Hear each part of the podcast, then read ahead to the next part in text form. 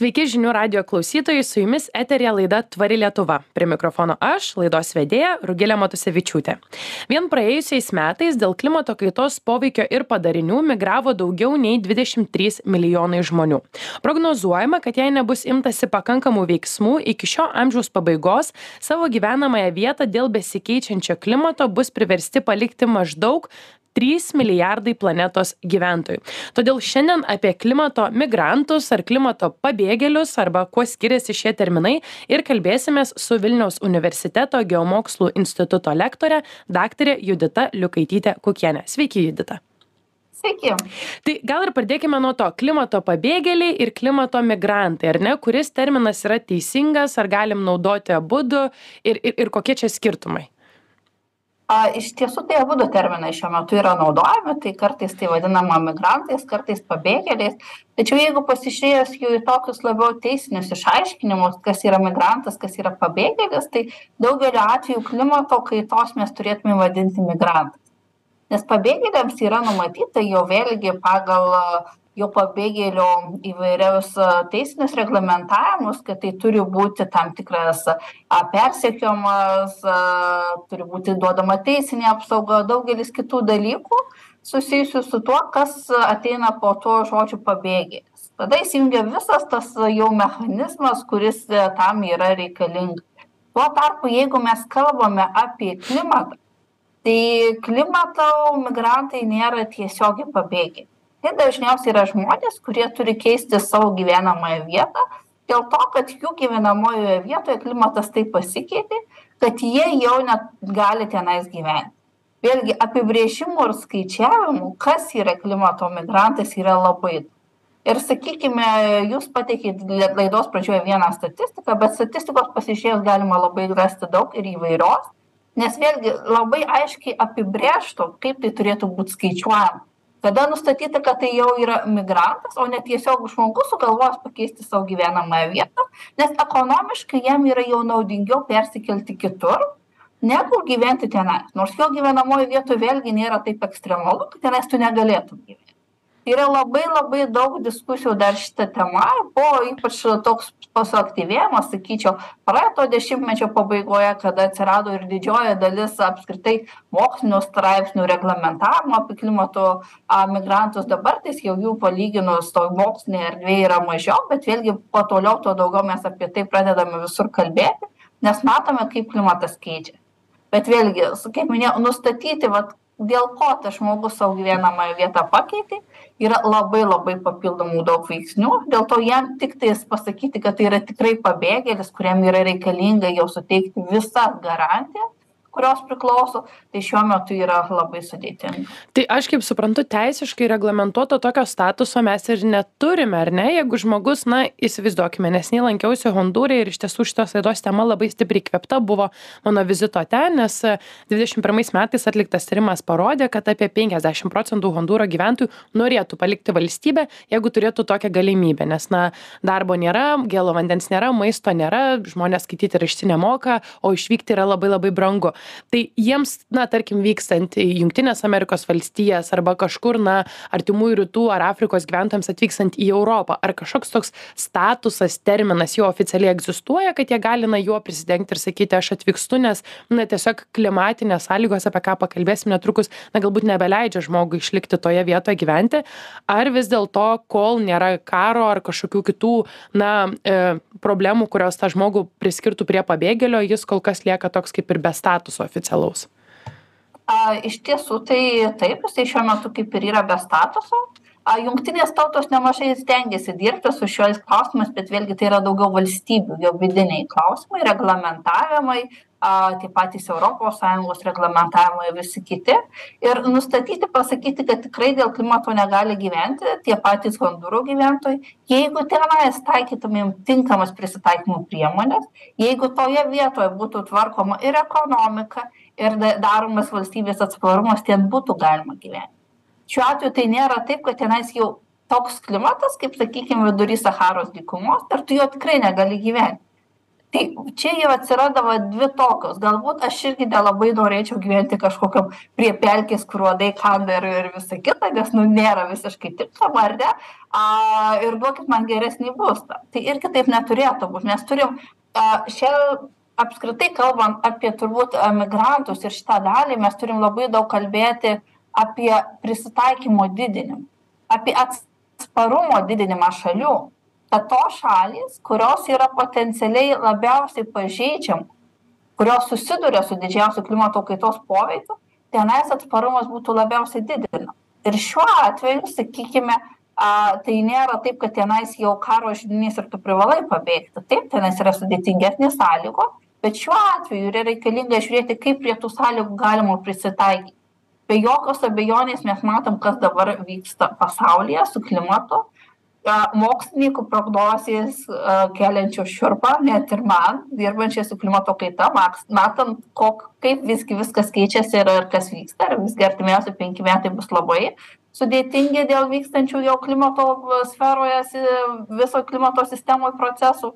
Tai šiuo atveju yra reikalinga būtent imtis veiksmų kad mes galėtumėm padėti pritaikyti jo gyvenamąją aplinką ten kur tai yra vėlgi tikrai galimos tam sąlygos. Nesakau kad nebus pasaulyje tokių vietų ir dabar yra tokių vietų kur mes negalime gyventi. Ir greičiausiai tų vietų daugės dėl besikeičiančios klimato kaitos.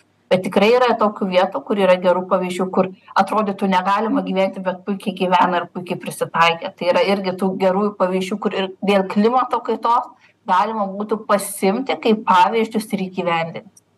Tai kokios tos problemos tos ar ne tos klimatinės sąlygos su kuriais susiduria na tie tikrieji klimato migrantai. Ir jūs irgi paminėjot kad yra vietų jau dabar pasaulyje kur na situacija tikrai bloga gyventi jau darosi sudėtinga arba gal net ir nebeįmanoma nes klausytojams gali būti na toksai skepticizmas kad ai nu vat iš tiesų čia jam per karšta staiga pasidarė ir jis dabar čia pas mane į lietuvą atvažiuos.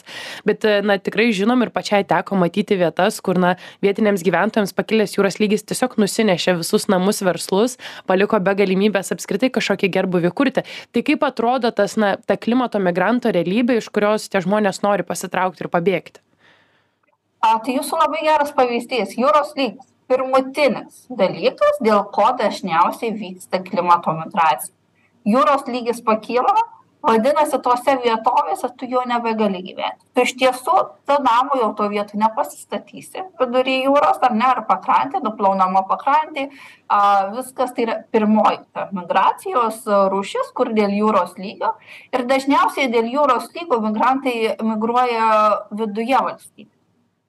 A ir yra netgi skirstoma ta migracija tai vidinė migracija ir išorinė migracija tai didžioji dalis yra vidinių migracijų nes tiesiog tu negali toj vietoj gyventi nes vandens lygis pakyla arba kaip tik vandens tenais nebelieka ir tu persikeli į kitą valstybės vietą kur tu jau gali gyventi ir vystyti savo namus galbūt tu tenais turi artimųjų draugų ar dar kitų arba tiesiog tenais nu palanku persikelti tau gyventi.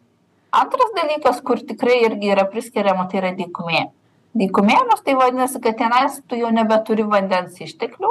Klimatas ten pasikeičia taip kad tu nebeturi kritulių. Ir šiuo atveju kadangi ten tais tampa taip sausa kad tu nieko negali nei savęs išmaitinti nei savo aplinkos šeimos tu irgi tada turi iš tos vietovės migruoti.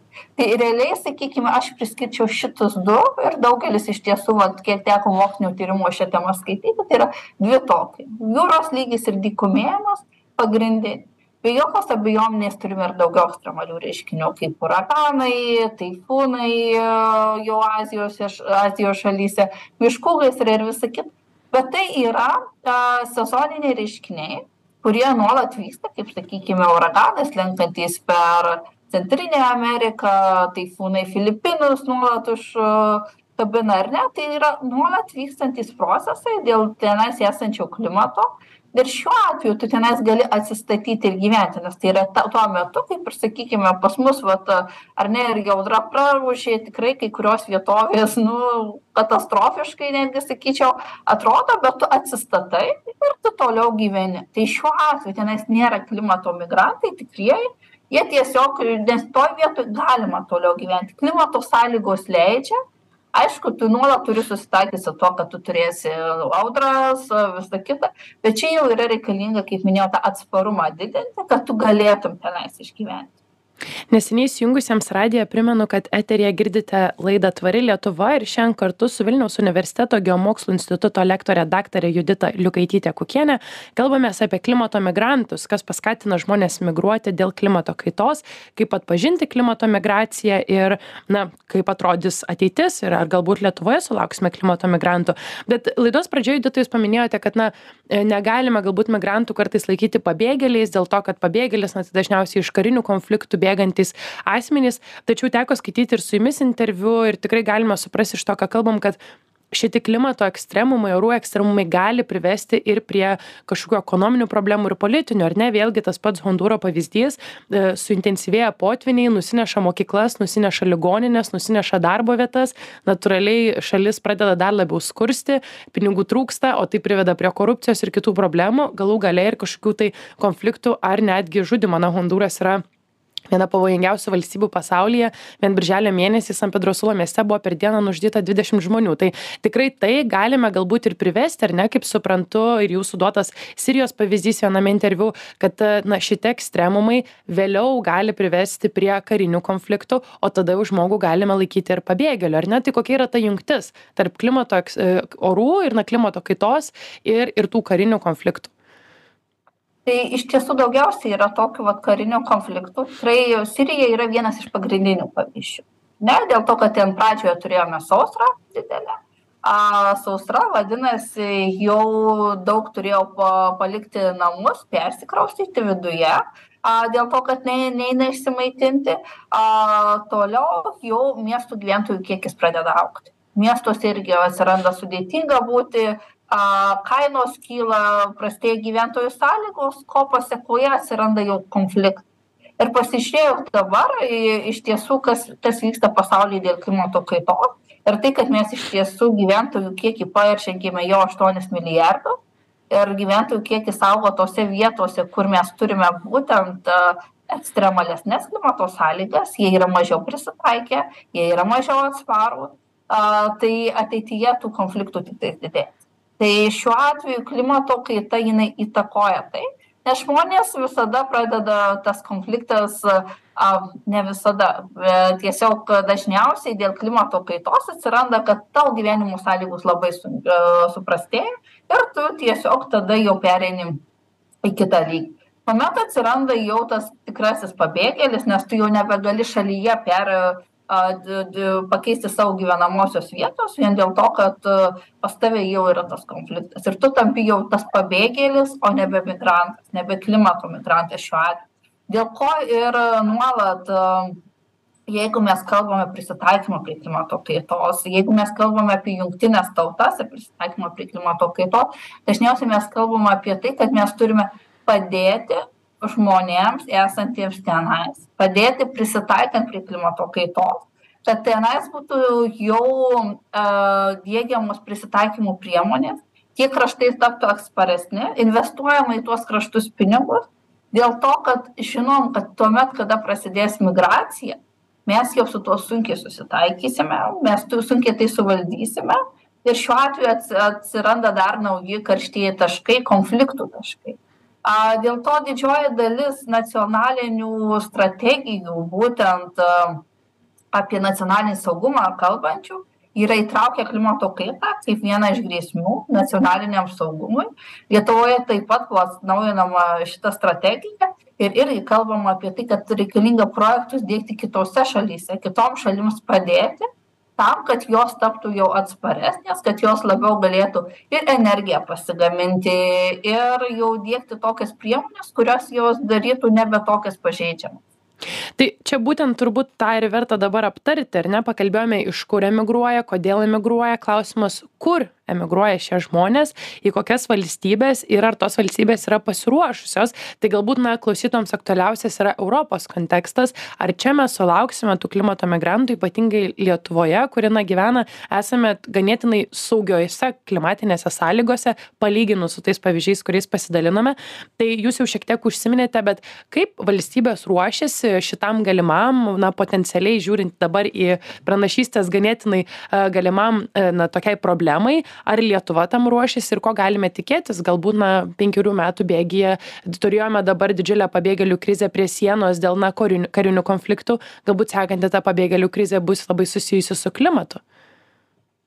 Aš manau kad atsakingos institucijos tikrai pasimokė iš dabartinės krizės nes realiai visiškai nėra skirtumo ar tu esi pabėgėlis dėl klimato kaitos ar tu esi pabėgėlis jau a dėl karinių konfliktų nes šiuo atveju jeigu jeigu mes jau turime pabėgėlio statusą ar ne tai vienodai visos šalys ir ruošiasi ir žiūri. Bet kaip minėjau pagrindas į ką yra žiūrima ir kur kaip politika formuojama šalių kad vėlgi labiau padėti tom šalim vietoje problemas išspręst nes tuomet kada problemos persikelia jau į europą į kitus žemynus a tai yra žymiai sudėtingiau. Ir be jokios abejonės migracija vyksta visur jinai nuolat vyksta ir mes tikrai a nesame nuo visų atsiskyrę ir negalim sakyti kad mūsų tai nepalies nes jeigu jau pradeda judėjimas per europą tai jisai vienaip ar kitaip paliečia ir mus. Ir galim matyti kad tikrai a esame viena iš tų europos sąjungos šalių kuri yra pakankamai vis dažniau patraukli gyventi ir šiuo atveju tiesiog ir gamtinės sąlygos pakankamai geros. Ne taip kaip sakykime pietų europoj mes turim nuolat karščius nuolat a jau gaisrus ir taip toliau. Aišku tos šalys dažniausiai ir susiduria su tais ir migrantų krizėmis ir visu kitu ir ir be jokios abejonės dėl klimato. Migrantų tos šalys irgi pirmutinės bet klausimas ar ta banga ne ne nejudės toliau ir ir šiuo atveju jau tikrai valstybės bent jau kiek teko matyti nacionalinio saugumo strategijas klimato kaita ir migrantai tenais yra tikrai paminėti kas atsakingas ar ne dėl šios problemos sprendimo? Turbūt klimato migrantų tema iškelia tokį em tokią geopolitinę diskusiją ar ne? Kieno tai yra atsakomybė? Iš vienos pusės na tos valstybės pačios galbūt ne visada tvarkosi ir vat tas pats mano duotas pavyzdys hondūre kurie kuriame yra na vienas aukščiausių korupcijos lygių visame pasaulyje. Na tikrai valdžia galėtų imtis daugiau iniciatyvumo ir atsakomybės spręsti savo gyventojų tas problemas susiduriant su klimato kaita bet tuo pačiu mes kaip žinome tikrai hondūras ar kitos tokios valstybės nėra pagrindinės klimato kaitos sukėlėjos ar ne? Ir čia jau tada žvilgsnis krypsta į ameriką europą aziją na rusiją tas tokius tuos didžiuosius mūsų teršėjus. Ir tada čia ir atsiranda ta didžioji diskusija ar ne? Praeitais metais jungtinių tautų klimato kaitos konferencijoje buvo e, pasirašytas e, loss and damage fund fund ar ne? Fondas skirtas kaip ir padėti šitoms valstybėms. Daug žmonių buvo nepatenkinti kodėl staiga lietuva iš esmės daugelio akyse vis dar na palyginus skurde ar kažkokia tai ekonomiškai ne itin stipri valstybė jau staiga turi remti kažkokį tai hondūrą ar ar siriją ar kitas valstybes tai kaip čia yra kieno rankose yra atsakomybė? Tų didžiųjų teršėjų ar tų valstybių na valdžios atrasti sprendimus ir su ta klimato kaita susidoroti patiems? Yra dvi pusės ar ne? Sakykime pirmas dalykas be jokios abejonės teršėjas turi mažinti emisijas ir ir deja bet jūsų ir minėtas klimato susitarimai bet paskutiniu metu daugiau kalbama apie tai kaip kažkas atlygintų nuostolius bet nekalbama apie tai kad mažinti emisijas. Ir čia šiuo atveju tiesiog gaisrą gesini negesindamas priežasties ne ne priežasties dėl ko gaisras. Tu nesiimi to žingsnio. Bet šiuo atveju jeigu mes kalbam apie klimato migrantus tai be jokios abejonės pirmiausia turi vietinė vyriausybė vietinė valstybė žiūrėti kas pas ją vyksta ir suvaldyti tai. Nes jeigu valstybėje neliks žmonių tai šiuo atveju neliks ir valstybė. Tai čia yra vėlgi atsparumo didinimas be jokios pagal be jokios abejonės pagalba turi būti iš išorės ir dažniausiai esam ekstrema esant ekstremaliom situacijom tikrai vienos šalys padeda kitom. Ir yra daug projektų kuriuos galima įgyvendinti vykdyti ir yra žiūrima į tai kad atsparumas būtų didinamas. A tai šiuo atveju yra kaip visada yra višta ir kiaušinis. Ir labai sunku pasakyti kas pirmiau. Aš manau kad ir vieni ir kiti turi imtis veiksmų. Ir deja bet tuo momentu kada yra reikalinga susitarti visam pasauliui susitarti yra praktiškai neįmanoma ir jie didžioji dalis europos mes iš tiesų esame pavyzdys.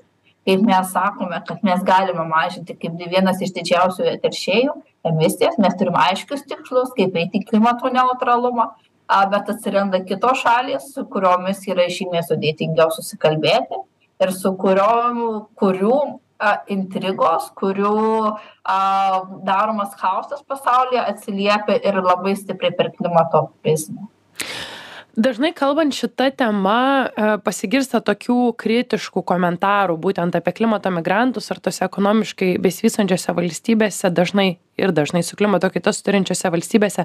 Žmonės esą jų populiacija per didelė jie ten per per daug dauginasi šie žmonės renkasi būti aukos pozicijoje. Man buvo irgi toks klausimas sako o gal jie čia tiesiog aukas vaidina ir nieko patys nedaro?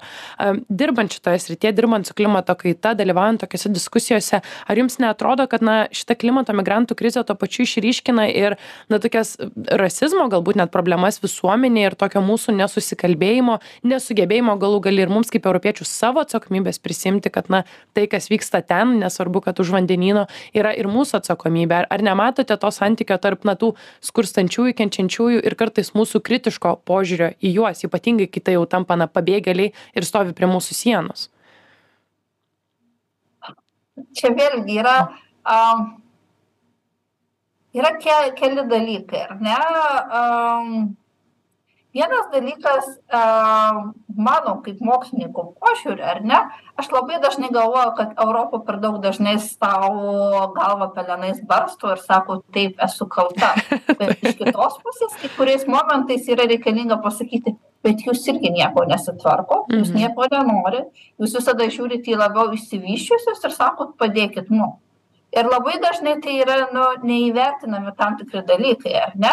Ir nežinoma vidaus nežinoma daugelio kitų dalykų nes visur gyvena žmonės.